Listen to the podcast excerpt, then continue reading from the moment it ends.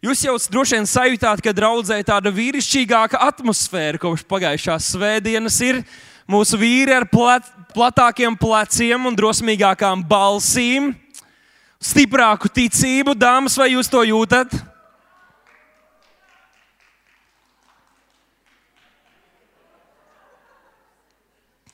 Mācītāja jūta, jūta, pārējie Nu, bet mēs tā ticam un mēs to redzam, un tas aizvien vairāk tā būs, jo vārds, ko Dievs pasludina, tas nes augļus. Un kādreiz tie augļi, ja kādam jums blakus sēž, un kāda sieva vai meitene domā, nē, nu pie šī vēl tas, tie augļi nav parādījušies, tad kādreiz vārdam vajag laiku, kādreiz sēklē vajag laiku. Un Jēzus arī stāstīja, ka kādreiz sēkla tiek iesēta, un tad paiet kaut kāds laiks, un tu it kā skaties, ka nekas nenotiek, bet tur kaut kur dziļi zemē tā dzīvība darbojās, tās saknes iesakņojās līdzi. Šis stāsts var parādīties arī ārpusē. Mēs ticam par vīriem, paldies arī sievām un dāmām šajā draudzē, meitenēm un sievietēm, kuras lūdzat par mums, jo tiešām arī par vīrieti nevienmēr būt ir viegli, ir savi izaicinājumi. Un pārdomājot svētdienas ehm, vārdu, ko mācītājs mums runāja, es arī domāju par, par vīrišķību, kā es varu vairāk būt vīrieti saskaņā ar to, kā Bībele to attēlo, nevis kā kultūra mūs cenšas pārliecināt, ko nozīmē būt vīrietim. Jo patiesa vīrieša etalons ir. Jūs neesat nemaz zālē, es domāju, ka es neredzu jūs. Es redzu, jūs skatos, jums acīs. Patiesa vīrieša etalons ir. Vīrieši arī to tam tic. Patiesa vīrieša etalons ir. Amen. Un es domāju par, par, par to, ko tad īsti nozīmē būt vīrietim un kā man vajadzētu mainīt savu dzīvi, varbūt kādus paradumus, lai es būtu līdzīgāks viņam. Un tas noved pie visādām sarunām un domām, un tas, man liekas, ir bijis ļoti auglīgs laiks arī man personīgi šajā nedēļā. Bet eh, es atcerējos pirms kādiem gadiem eh, vienu tādu lietu, ko es piedzīvoju. Mēs piedzīvojām ar kādiem vīriem no draudzes, un man, man šķiet, ka tas tā iedvesmos, un varbūt mazliet kādam liks pasmaidīt. Un tas ir, ka manai sievai bija dzimšanas diena, un es viņai biju sarīkojis tādu mazu pasēdēšanu draudziņu lokā, jo tad, kad tu kļūsti par vairāku bērnu mammu, tad laiks kļūst, paliek aizvien mazāks, ko tu vari atvēlēt draugiem un, un draugiem. Un tā kā viņas tur tusēja, mēs izdomājām ar kādiem no vīriem arī mazliet pavadīt laiku kopā. Tā nu mēs aizbraucām tepat līdz Alfai, paēdām kopā, pēc tam devāmies arī pastaigā tur gar mežu. Un bijām pārsteigti. Mēs bijām pārsteigti, tik daudz smaidus, tik daudz pozitīvas emocijas mēs vēl nereiz nebijām saņēmuši no citiem cilvēkiem. Četri tēvi, braukājot ar ratiņiem, kuros ir arī bērni, pat vīrieši. Braucot mašīnās, mazliet piebremzēja un tā smaidīgi uz mums skatījās. Un, eh, jā, nu, tik ļoti šarmanti un pievilcīgi mēs vēl nekad nebijām jutušies. Tad man šķiet, varbūt, ja te ir kāds vīrietis un tu nejūties, ka tu esi ļoti šarmants, tad pamēģini ar saviem bērniem iziet ārā kopīgi, divi vai trijotā, un uh, varbūt tu sajūtīsi arī, ka kaut kas ir izmainījies. Bet mēs saņēmām tik daudz pozitīvas emocijas. Tas vienkārši mūs pārsteidz. Mēs paši bijām kā, uzvarējuši kādā sacensībās. Braukājām un jā, sākām jau sveicināt, kā mēs būtu atpazīstami cilvēki. Bet no vienas puses, protams, mēs, mēs secinājām, ka cilvēkiem vienkārši patīk redzēt vīrus, kas patiesi ir tēvi kas nebaidās arī būt vieni paši ar saviem bērniem, vai uzņemties kādu rūpi, kur parasti mums liekas, varbūt tas ir tikai māmiņas pienākums, bet mūsu draugs ir pilns ar tādiem vīriem un cepuru nostiem tēviem, kas gādā un rūpējās. Un dara lietas, kur ir vajadzīga liela, liela arī pacietība. Nevienmēr mums pietiekami ir, bet Dievs, kā saka, mums neatstāja bešā. Mazliet arī ir. Un jo vairāk lieto, jo vairāk ir. Bet otrs tāda lieta, ko es pārdomājot šo notikumu, secināju, ka iespējams tas izraisīja tādu reakciju apkārtējos cilvēkos, jo šāds skats ir diezgan reti sastopams.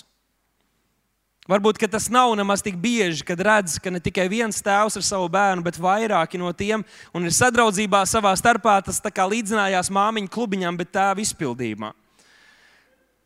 Jūs droši vien esat dzirdējuši par demogrāfisko situāciju mūsu valstī, kas nebūtu nav laba jau daudzus, daudzus gadus. Cik es saprotu, un esmu skatījies pēdējās statistikas, iespējams, tagad ar visām karantīnām statistika uzlabojās Latvijā mazliet. Arī draudzē mēs to redzam. Halleluja! Bet uh, kopš 90. gadu buma pārsvarā ir tā, ka tomēr vairāk cilvēku nomirst nekā piedzimst Latvijā. Tātad iedzīvotāju daudzums nepārtraukti samazinās, nemaz nerunājot par tiem, kas dodas uz citiem medību laukiem. Tie, kas dzīvo draudzē, nemaz nevarētu iedomāties to, jo mums ratu reizi kādu no leģionāriem tēvs pasaules mājās. Pārsvarā mums visu laiku pievienojas jauni un jauni locekļi, gan piedzimstot, gan ienākot un glābjoties, piedzimstot Dieva valstībā. Bet attiecībā uz demogrāfisko situāciju, kāda varētu teikt, ka Latvijā pietrūkst bērnu. Tātad, ja būtu vairāk bērni, tad tā situācija būtu labāka un valdība arī cenšas kaut kādos veidos to stimulēt. Bet man šķiet, un pagājušā svētdienas dievkalpojuma kontekstā, ka vēl lielāka problēma Latvijā ir tā, ka Latvijā trūkst tēvu. Trūkst tēvu. Patiesībā jau desmitiem gadu runājot jau par laiku, krietni pirms manas piedzimšanas, dažādās valstīs, ir šī doma teikta un secinājumi izdarīti, ka ir jau neskaitāmas vairākas paudzes, kas ir piedzimušas, kuras varētu dēvēt par paudzēm, kurām nav tēvu, kurām trūks tēvu. Un tam mēs varētu savilkt dažādas sekas, ko tas ir izraisījis ne tikai Latvijā, bet arī Savienotajās valstīs un arī Eiropā kur mēs redzam bērnus, kuri ir apjukuši par to, kas vispār ir vīrietis, sieviete, vīrišķība, sievišķība, tēvs, māte. It kā liekas, ka tās līnijas ir sapludināts, un, protams, ka ir arī noteikts organizācijas, kas to cenšas vēl papildus kultivēt un pārliecināt šo jauno paudzi, kur jau tā ir diezgan apjukusi. Vēl saku, rezultātā mēs redzam, ka ir aborti, ir agrīnas attiecības, kur gan zēni, gan meitenes cenšas nodoties seksuālās attiecībās, cenšoties atrast kaut kādu šo atšķirību, piepildījumu attiecībās, kuras varbūt ir trūkušas ģimenē. Ir cilvēki mūsu sabiedrībā, kur dzīvo pēc pārliecības, ka jādzīvo ir pēc savām sajūtām, nevis pēc, pēc pārliecības vērtībām vai kāda lielāka aicinājuma. Sekas ir dramatiskas, un tādēļ vēl jo vairāk un svarīgāk ir šis aicinājums, kas izskanēja pagājušajā svētdienā, mums būt par vīriem un tēviem. Un kā piemēru citiem ne tikai draudzē, bet arī sabiedrībā. Pat ja jūs ejat uz lielveikalu vai kādām citām vietām, kur mēs varam ietekmēt, būt par svētību cilvēkiem, jo viņiem ir vajadzīgs redzēt arī veselīgu piemēru, kā ģimene var izskatīties. Tāpat mēs varam runāt par laulību, un to mēs kā draugi jau secinājām diezgan ātri pēc tam, kad šī draudzene dzima, kad Dievs to dzemdināja. Jo jau kaut kādus sešus gadus pēc tā sākuma mūsu draudzē bija pirmā ģimenes diena. Varbūt kāds no jums arī bija, tas bija kāds 96. un 97. gads. Iespējams, tie, kas man ik pa laikam pienāk un saka, es vēl atceros, kāds tu biji maziņš palaidnis, es tev aiz vaigiem raustīju. Varbūt, ka jūs atceraties un zinat, kā tas bija bet tās bija regulāras. Regulāri dievkalpojumu laiks, kur mēs runājām un cēlām draugu un ģimeni, ģimeniskās vērtības, kas vēlāk pārauga par pateicības svētkiem, kas kļuva par tādiem Latvijas mēroga kristīgi, kristīgi notikumi. Varbūt esat pazīstami ar kustību arī pret straumi. Vairāk mūsu vidū ir kas kā jaunieši dažādām platformām, sapņu fabrikā un daudz vietu dejoja un sludināja evaņģēlīju. Un ar sketčiem uz ielām centās aizsniegt mūsu sabiedrību. Par stipru ģimeni arī tas nav nekas jauns, lai gan mēs pirms kāda laika līmējām to uz mašīnām. Arī tas jau mums ir saknēs. Mēs stāvam par ģimeni un tās vērtībām. Un paldies Dievam ar tiem, arī par tiem politiķiem un aktīvistiem, kuriem ir mūsu draudzē, kas to dara augstāko, augstākā līmenī. Bet šodien es gribētu, lai mēs padomājam par draugu kā ģimeni. Saki, draugu kā ģimeni. Jo mums visiem gribās šo sajūtu, ka mēs jūtamies kā ģimenē, un ir kādi, kas atnāk un jau pēc pāris reizēm saka, es te jūtos tik labi, es jūtos kā savā garīgajā ģimenē. Bet tad ir kādi, kas varbūt jau ir kādu laiku draudzē un saka, es vairs nemaz nejūtos kā ģimenē. Ir kādi, kas jau ir ļoti ilgi un saka, es jau jūtos kā ģimenē, bet jūtos kā vecs, vecs, vecs, vecs tētiņš. Kas tad ir ģimene? Ģimene ir cilvēka grupa, kuras vieno laulība vai asins radniecība ar kādiem izņēmumiem, kad bērni, piemēram, tiek adoptēti un tam līdzīgi. Tā ir ģimene. Ja draudzene ir kā ģimene, draudzene ir cilvēku grupa, kuru vieno viens kungs, viena ticība, vīzija un savstarpējas mīlestības attiecības. Kad mēs ne vienkārši sanākam kopā, bet kad mēs pazīstam viens otru, kad mēs dzīvojam kopā, daloties dzīvē, kad mēs lūdzam viens par otru, kad mēs atbalstām viens par otru. Lūk, tā ir draudzene, mūsu garīgā ģimene. Bet šodien es gribētu, lai mēs padomājam par to, vai vispār ir viegli būt ģimenē. Jo mēs kādreiz draudzē uzliekam šīs prasības augstākas nekā mēs varētu attiecināt uz mūsu pašu ģimenēm, kuras mēs veidojam. Mums šķiet, ka, ja es atnāku uz draugu, man vienmēr būtu jājūtās tā, it kā es esmu iemīlējies, un man pat nebūtu jāpiepūlas. Man vienmēr būtu atnākot, jājūtās, kā es tiku uzlādēts un, un saņēmu tik daudz no Dieva, bez paša kaut kādas piepūles un vēlmes arī kaut ko darīt lietas labā. Bet vai tā ir ģimenē? Nu, mēs varam padomāt par kādām stadijām, kur ģimenē cilvēks ienākot iziet cauri. Nu, piemēram, kad mazs bērniņš ienāk ģimenē, Sākumā viņam neviens neprasa, ko viņš grib ēst, kur viņš grib gulēt, vai viņam patīk dzīvot tajā pašā istabā ar vecākiem, kur teica skaļi krāts un spārdās pa nakti. Mazs bērniņš ienākot ģimenē, viņš vienkārši cenšas, cik vien viņš intuitīvi nojauš un saprot, apēst to, ko viņam dod, iemācīties to, ko viņš spēj un saprot tajā laikā, arī paciest to, kas ir jāpacieš. Ik pa laikam mazliet parāda zobus, piemēram, saspiežot māsu roku nedaudz stiprāk, lai viņi saprotu, ka viņa jau ir pienākusi pārāk tuvu vai ka viņa ir paņēmusi to, ko viņai nebija tiesības paņemt. Varam skatīties drusku tālāk. Bērns paaugās, viņš jau kļūst drusciņš patstāvīgāks. Viņam rodas sajūta, ka viņam neviens šajā pasaulē nav vajadzīgs. Viņš pats ar visu var tikt galā. Jums, jūs, kam ir bijuši bērni, vismaz divus gadus veci, jūs zināt, kā tas ir. Ja tu gribi palīdzēt, saģērties, un varbūt nav laika, bet viņš gandrīz raudās un teiks, es pats. Un tad, kad tu apžēlojies un saki, labi, mēs mazliet nokavēsim, bet tad saģērbies pati, mīļo meitiņu, tad pēc pusminūtes cenšanās viņa ar asarām acīs tomēr liek tev saprast, ka tev vajadzētu palīdzēt. Vai varētu būt, ka tā arī draudzē cilvēki jūtās? Kāpēc ne? Nu, labi, vēl nedaudz paaugā šie bērni, un to varētu nosaukt par tādu pusauģu vecumu, varbūt agrāk, varbūt vēlāk. Un, ja ir kaut kādas sezonas, vai kādreiz nav izdevies tas kontakts kā laika vecākiem, tad tas bērns var kļūt par svešinieku ģimenē. viņš izskatās atšķirīgi. Varbūt viņš ir nokrāsojis matus vai nogriezis pats kaut ko, kā, ne, kā nevajadzēja, ģērbjās daudz atšķirīgāk no tā, kā ģimenē ierasts. Jūs ģimene esat kopā kaut kur, bet viņš ir citā pasaulē. Varbūt viņam ir ierīce, ko jūs viņam mīlestībā esat dāvājusi ar bezlimita, bezlimita internetu un daudzām citām opcijām, kuras jūs pat nesaprotat, ka tajā telefonā ir, bet bērns jau sen ir atkodis.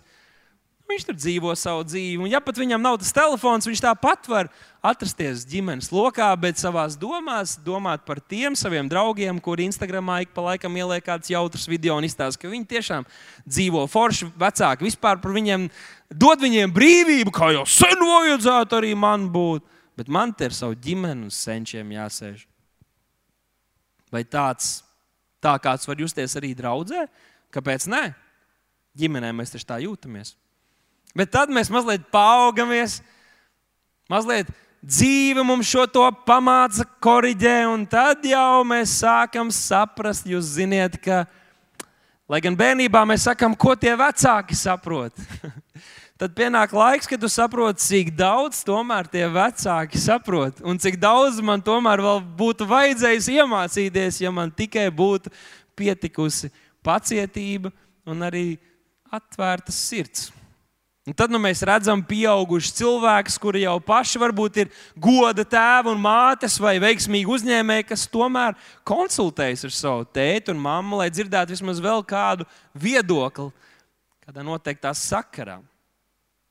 Es pieskāros tikai dažām no lietām, kuras mēs ģimenē, un varbūt kāds nav audzis ģimenē, tad šīs lietas varbūt ir svešas, un tomēr tās visas mēs varam saprast, ka ģimenē un attiecībās ar cilvēkiem mēs tā jūtamies vai draudzē vajadzētu būt citādāk?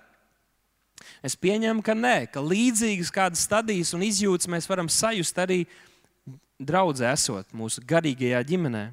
Jo, lai gan Kristus ir solījis, ka viņš to darīs pilnīgi un bez strāpa, tomēr šeit ir nepilnīgi cilvēki.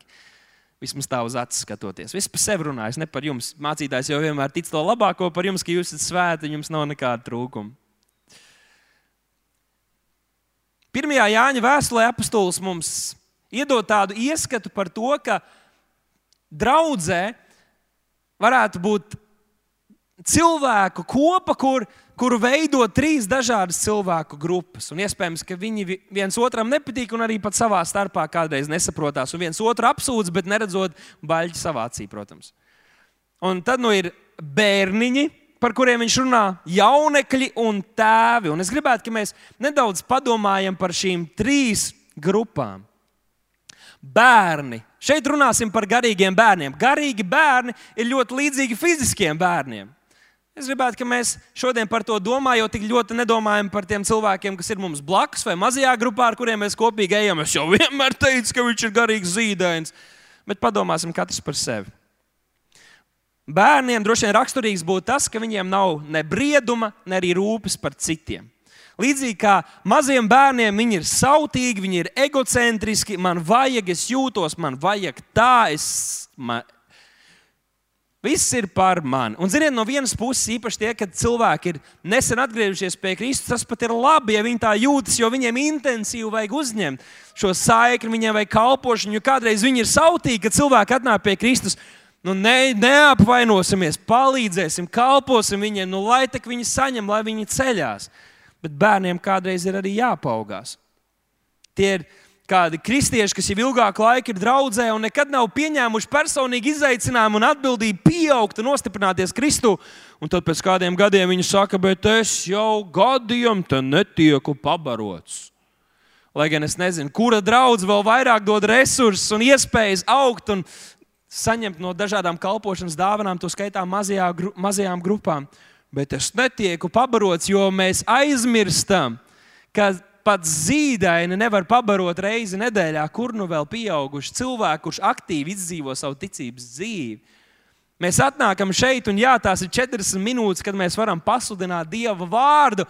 To es drīzāk salīdzinātu ar tādiem kā apetizeriem, apetītes ierosinātājiem šajā nedēļā. Tāpat arī Bībele mums saka, ka draudzene nav vieta, kur mēs atnākam, lai tiktu pabarotas nedēļa, bet kur mēs tiekam ekipēti, lai mēs izdzīvotu šīs personīgās attiecības un savu aicinājumu savā ikdienā. Kāds var teikt, man jau gadiem ilgi te neesmu pabarots, bet tas ir tam dēļ, ka tev trūkst personīgas attiecības ar Dievu. Un tu esi kļuvis par atkarīgu cilvēku no kalpotājiem, kad viņi tevi uzturēs līdz debesīs, tu nonāksi, bet Dievs tā nav paredzējis. Dievs ir aicinājis tevi, lai to arī pats smeltos, un Svētais Gars tevi grib vadīt, un atklāt un pabarot. Un šeit mēs sanāktu, lai iedvesmotu viens otru, lai lūgtu un saņemtu uzvaru, saņemtu Dieva garu vadību un tiktu ekipēti dzīvot šo patiesu kristiešu dzīvi.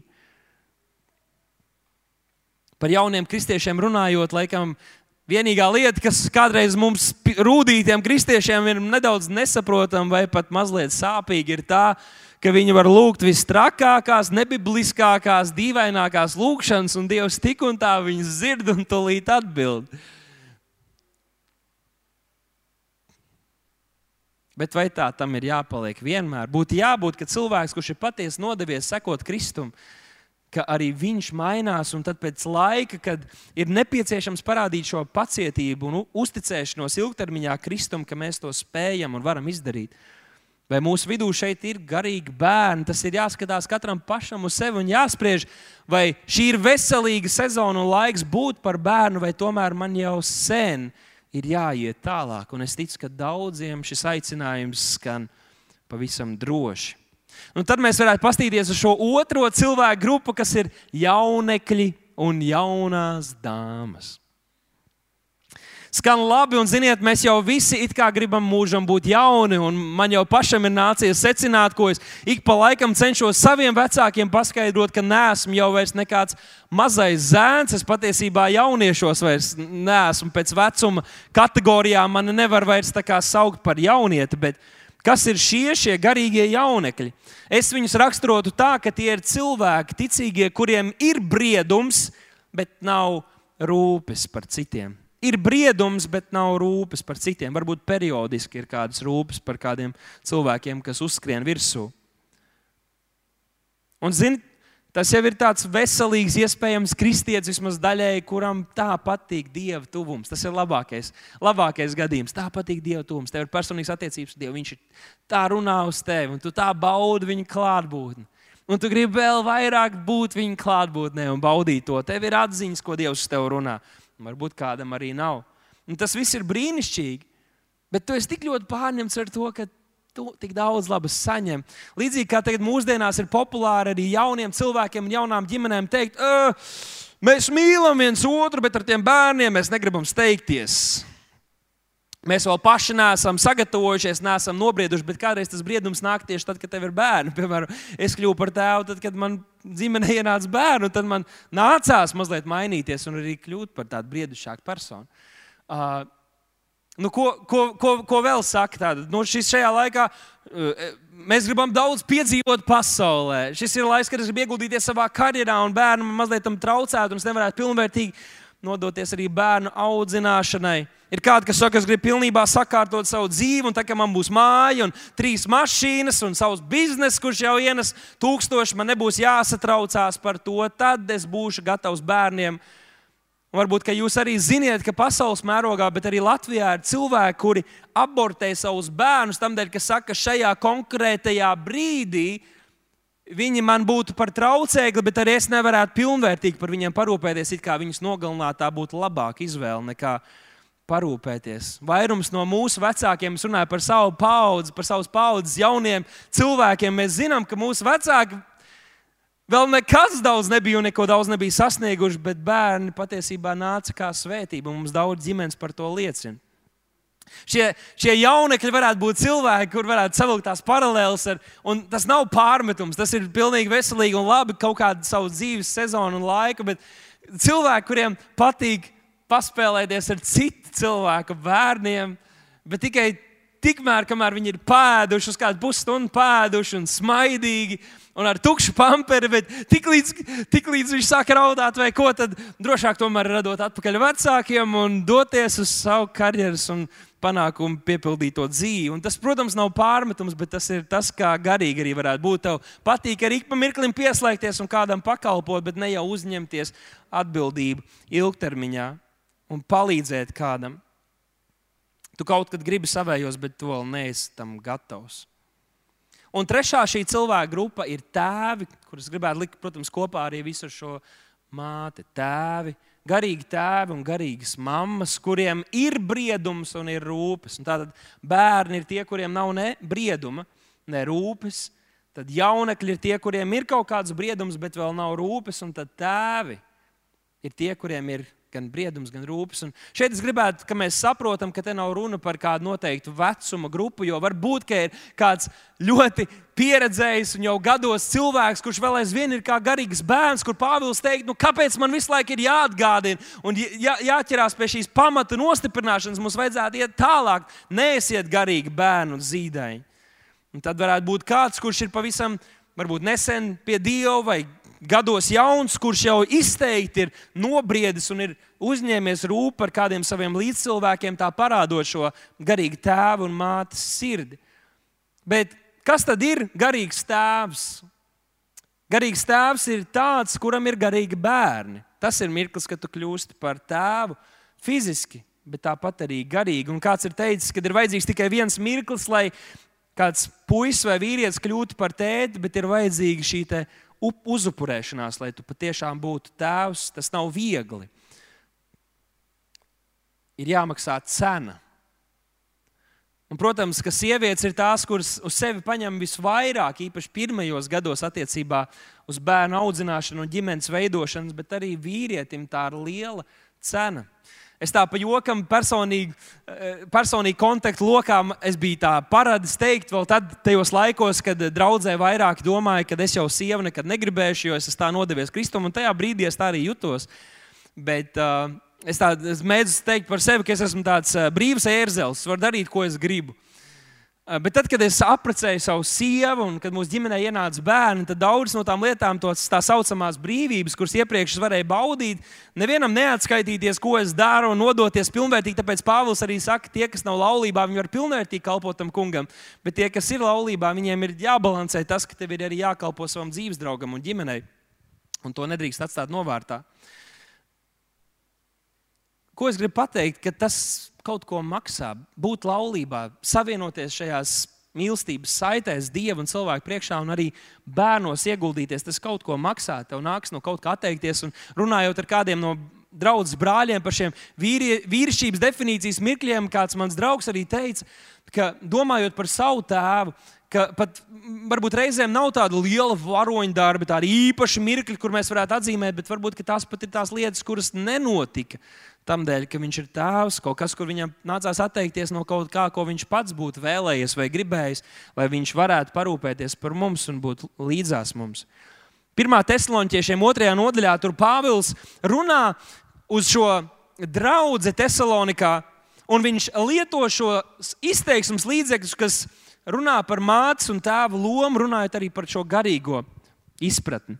7. pantā viņš saka, lai gan mums, kā Kristus apstuļiem, būtu bijis iespējams sev prasīt sevišķu cieņu, bet mēs jūsu starpā esam bijuši saudzīgi kā māte. Varbūt tieši šajā draudzē viņam bija kaut kā īpaša saikne ar to, jo viņš to nerakstīja visām draudzēm. Viņš saka, ka mēs esam bijuši saudzīgi kā māte, kas lolo savus bērnus. Tātad, ja vīrietis var savā ziņā spēlēt šo garīgas mātes lomu un būt saudzīgs, ka tas ir nepieciešams kādā dzīves sezonā priekš kādiem cilvēkiem, tad tāpat mēs varam attiecināt arī, ka šo garīga tēva lomu arī var tāpat veikt arī kādas garīgas, stipras sievietes, Kristu Jēzu.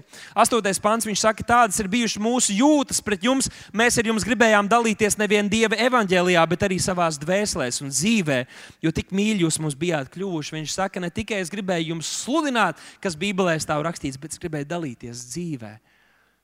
Es gribēju dalīties dzīvē, un viens no viņa tādiem garīgiem bērniem bija arī Timotejs kur viņš sauc par savu dēlu. Mēs varam saprast, ka viņš ieguldīja savu dzīvi, ne vienkārši dažas atklāsmes, bet viņš dalījās dzīvē. Viņš gribēja redzēt, kā šis jaunais kalpotājs uzaug dievam par godu. 11. pantā viņš turpina, mēs ikvienu no jums, tas jums ir zināms, kā tēvs savus bērnus uzmundrinājām. Tātad tu vari, tev izdosies. Pat ja tev tā nešķiet, Dievs ir ar tevi. Pamācījām, ja? Tu dari labi, bet varbūt dari kaut ko citādāk. Varbūt pavisam praktiskās ikdienišķās lietās, kā darboties ar finansēm vai citām lietām, kur jauniešiem kādreiz nav gudrības. Pārliecinām, hei, tas tev ir jāizbeidz, tas nav pareizi, vai tev vajadzētu darīt tā. Viņš saka, pārliecinājām, dzīvo tā, lai jūs būtu savu dievu cienīgi, kas jūs aicina savā valstībā. Un vēlāk viņš dod mājienu par to, ka šie garīgie bērni ir tie, kuri stāvēs mums līdzās, kad mēs stāvēsim Dieva troņa priekšā.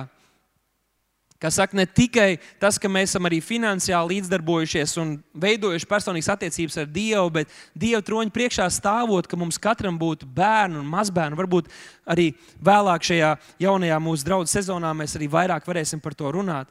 Bet šodien es gribu nodefinēt tā saviem vārdiem, ko tad īsti nozīmē būt garīgam tēvam vai mātei. Jo, protams, mēs saprotam, ka tur arī ir līmeņi. Piemēram, kā mūsu mācītāji un citi līderi draudzē, kam ir tāda apustuliska nozīme, kas varētu par mums visiem teikt, līdzīgi kā Pāvils šai draudzē, ka jūs esat mani bērni un mēs esam dalījušies dzīvē un kalpojuši šo gadu laikā.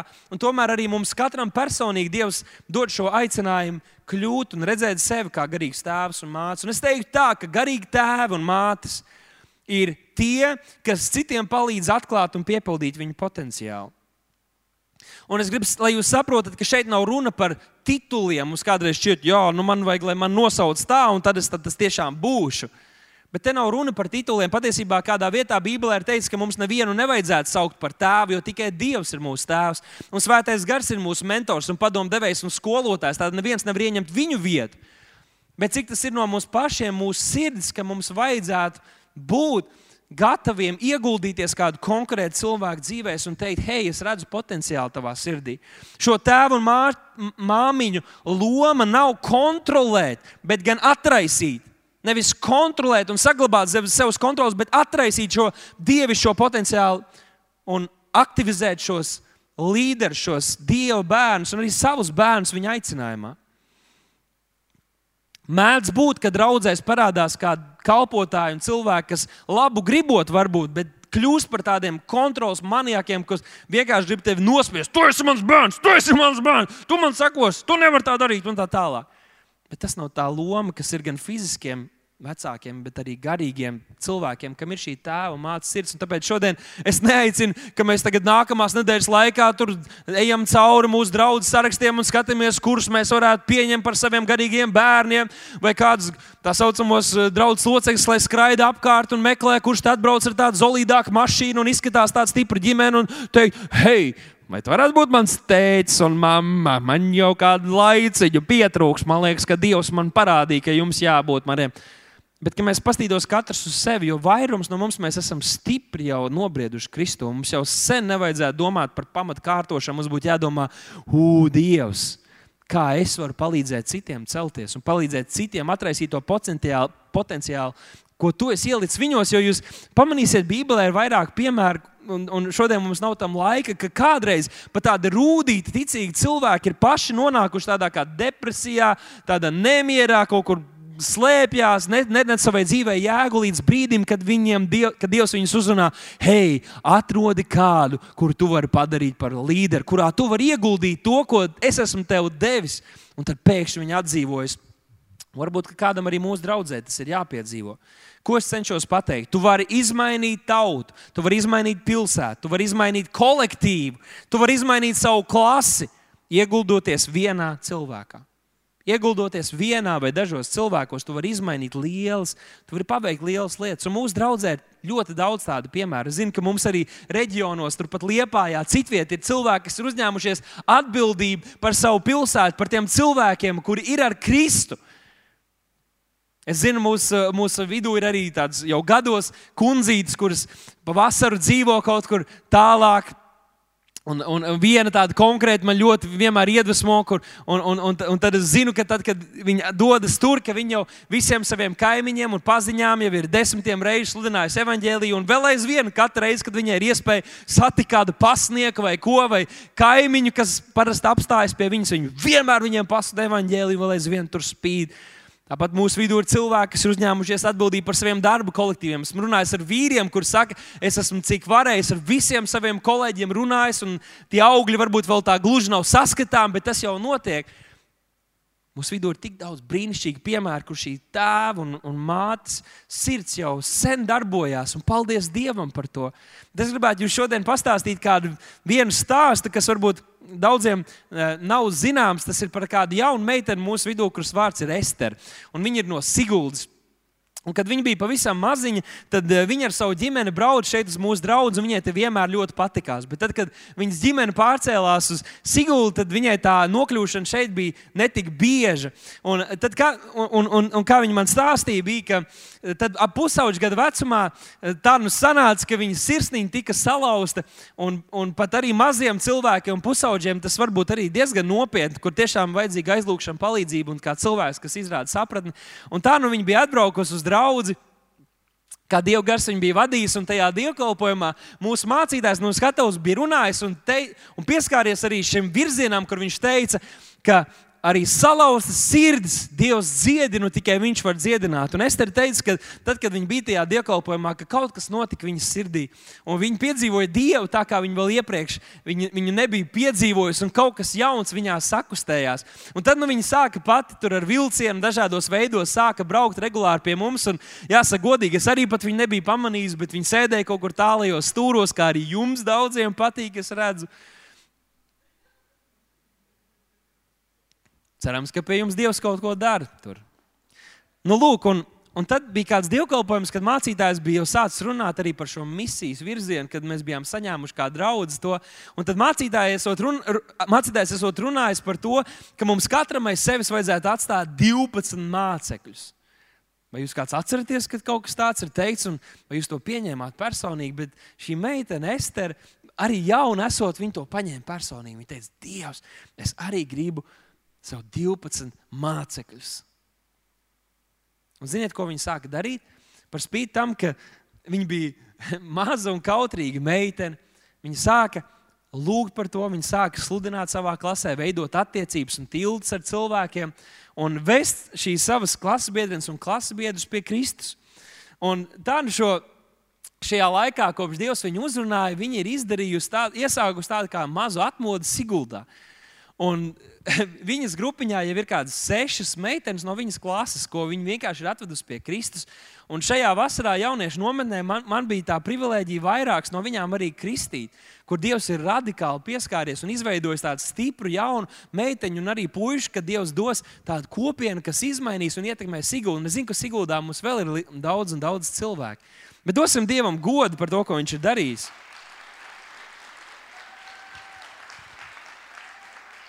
Ko es cenšos pateikt? Nav svarīgi, cik tev ir gadi, un nav svarīgi, cik ilgi tu esi draudzē.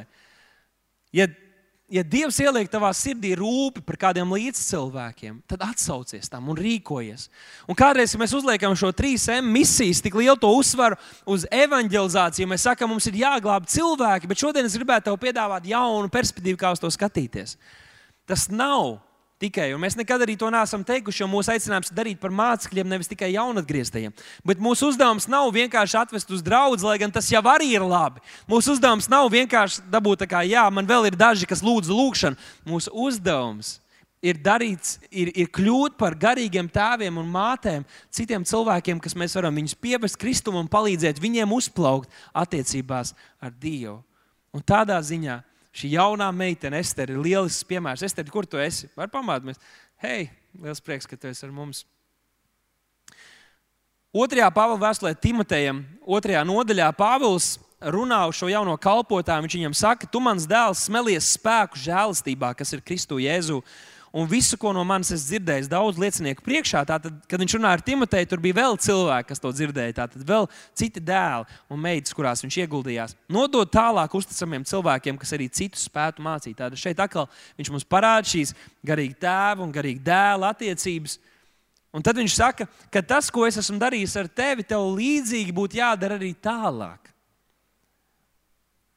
Tas, ko esmu ieguldījies tevī, un esmu redzējis, kā tu esi pacēlies, kā līderis, kā kalpotājs, dari to atkal tālāk. Kad tu saskati kādus, kur Bībelē mums saka, ka mums nevajag kaisīt pēles sūkām, bet, ja mēs saskatām to vērtību, mēs saskatām šo dievu dāvanu un aicinājumu pār kādu cilvēku, mēs saskatām kādus cilvēkus mums līdzās, pasaulē vai draudzē, kur Dievs ieliek mums viņas sirdī, tad darīsim to, dalīsimies, ieguldīsimies.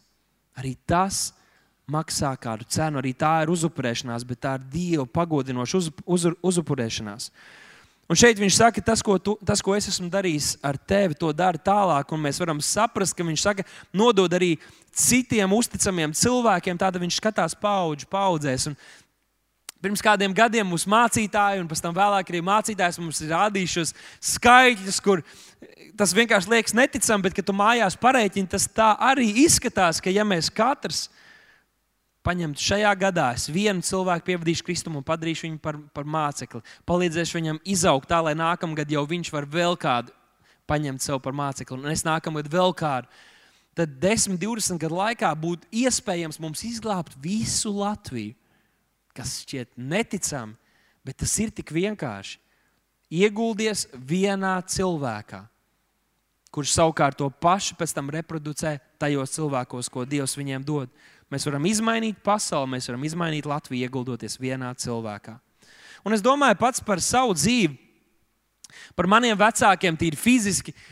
Viņu vecāki, manu vecāku vecāki, tātad mani vecvecāki darīja to labāko, ko viņi spēja, lai parūpētos par viņiem, lai uzaudzinātu viņus par dievbijīgiem un veiksmīgiem cilvēkiem. Un teikšu, ka viņiem tas ir izdevies, lai gan tajā laikā nebija ne resursi, ne iespējas, kur iemācīties, uzzināt un arī kā viņus viņa vecāki bija audzinājuši, protams, bija daudz atšķirīgāk un stingrāk šajā laikā, iespējams, nesaprotami. Un tad mani vecāki mūsu ģimenē darīja labāko, ko saprata. Skatījās Bībelē, un mācīja, un ieguldījās, un veltīja laiku, un mīlēja. Un tagad, tāpat kā, kā mēs esam saņēmuši, mēs to pašu cenšamies reproducēt, un, un, un, un varbūt vēl kādu soli tālāk spērt, ieguldoties savos bērnos. Mēs mācījāmies no tā, kas notika ar mums, un tagad mācam, mācam savus bērnus un tos cilvēkus, ir mums līdzās. Un es tā domāju, kas ir tas, tas mans darbības lauks, kur man ir jāparāda šī tēva un mātes sirds. Un Šeit es gribētu parādīt savus ģimenes bildi, kur, kur, kur jūs redzat, kas ir mans primārais kalpošanas lauks. Jūs varat domāt, ka es esmu viens no kalpotājiem, draudzē prieka vēsts. Es esmu, bet primāri es esmu e, kalpotājs Glešku, Glešku ģimenē.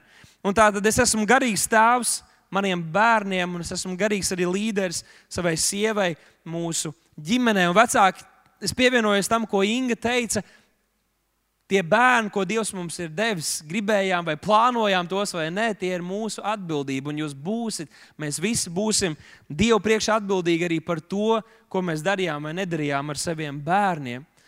Es dzirdēju kādu pamācību, pamācību pēdiņās, kur teica, kāds ir vieglākais veids, kā uzaudzināt ateistu. Un tā instrukcija bija, bija pavisam vienkārša. Ejiet regulāri uz draugu, regulāri pateicieties pirms ēdienreizēm un atrodiet kādu svētku brīdi, kad jūs palasiet Bībeli. Bet visu atlikušo laiku ģimenē un ārpus tās dzīvojiet tā, it kā dieva nebūtu. Tā ir liela atbildība. Kamēr jūsu bērni vēl ir jūsu ietekmes zonā, kamēr viņi dzīvo zem, jums, zem jūsu jumta, dariet visu, ko jūs varat, lai atklātu viņiem dievu mīlestību caur jums un pievest viņus Kristum. Otrais mans darbības lauks ir draugs. Es esmu garīgs tēvs. Es cenšos kalpot tiem cilvēkiem, kurus Dievs man dod. Un kādreiz tie ir vecāki cilvēki, kādreiz tie ir jaunieši, pusauģi, bērni.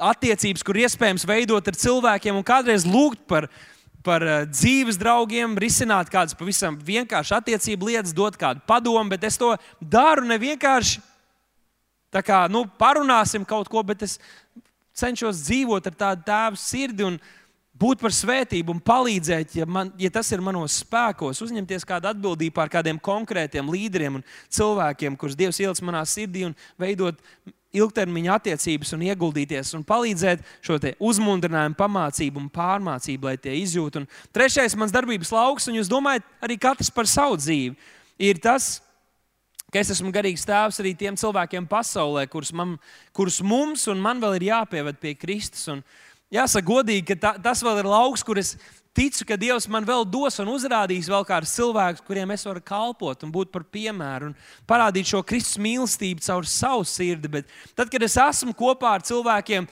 kad man ir tāda iespēja, es cenšos. Es cenšos veidot tīklus, es cenšos veidot attiecības, cenšos lauzt kaut kādus eh, grāvis un, un, un šķēršļus, kas cilvēkiem ir starp Dievu, un, un palīdzēt viņiem spērt tādus mazus solīšus virzienā, lai viņi iepazītu Kristu. Un tas ir kaut kas, ko mēs visi varam, bet šodien es ticu, ka Dievs, grib, ka Dievs aicina mūs patiešām pieņemt šo izaicinājumu. Un, un privilēģiju un svaidījumu būt par garīgiem tēviem. Un kā jau es saku, es neeju pie cilvēkiem un nesaku, es jūtu, ka es esmu tavs garīgais tēvs, bet es cenšos tā dzīvot. To mēs ļoti spilgti varam saskatīt jau pavisam mazos bērnos. Mums šķiet, jā, Dārvid, ko tu mums tagad prasa? Tas jau ir kaut kas sarežģīts. Kā nu mums tas ir jādara, kā lai mēs kaut ko tādu dabūjam ārā no sevis? Bet pastīsimies uz maziem bērniem. Jūs, kam, kam ir bijusi saskara ar bērniem, jūs ziniet to. Arī pie saviem bērniem es redzu, ka man mazā meitiņa, Stefānija, un pat jau arī Matilda, kurai vēl nav divi gadi, ka viņa instinktīvi kaut kā Dievs ir ielicis šo vēlmu parūpēties, palīdzēt. Kaut kas tāds mātišķs, es nezinu, varbūt puišos tas attīstās mazliet lēnāk. Iespējams, ka nē, es vēl neesmu to redzējis. Man dēls vēl ļoti maziņš pagaidām.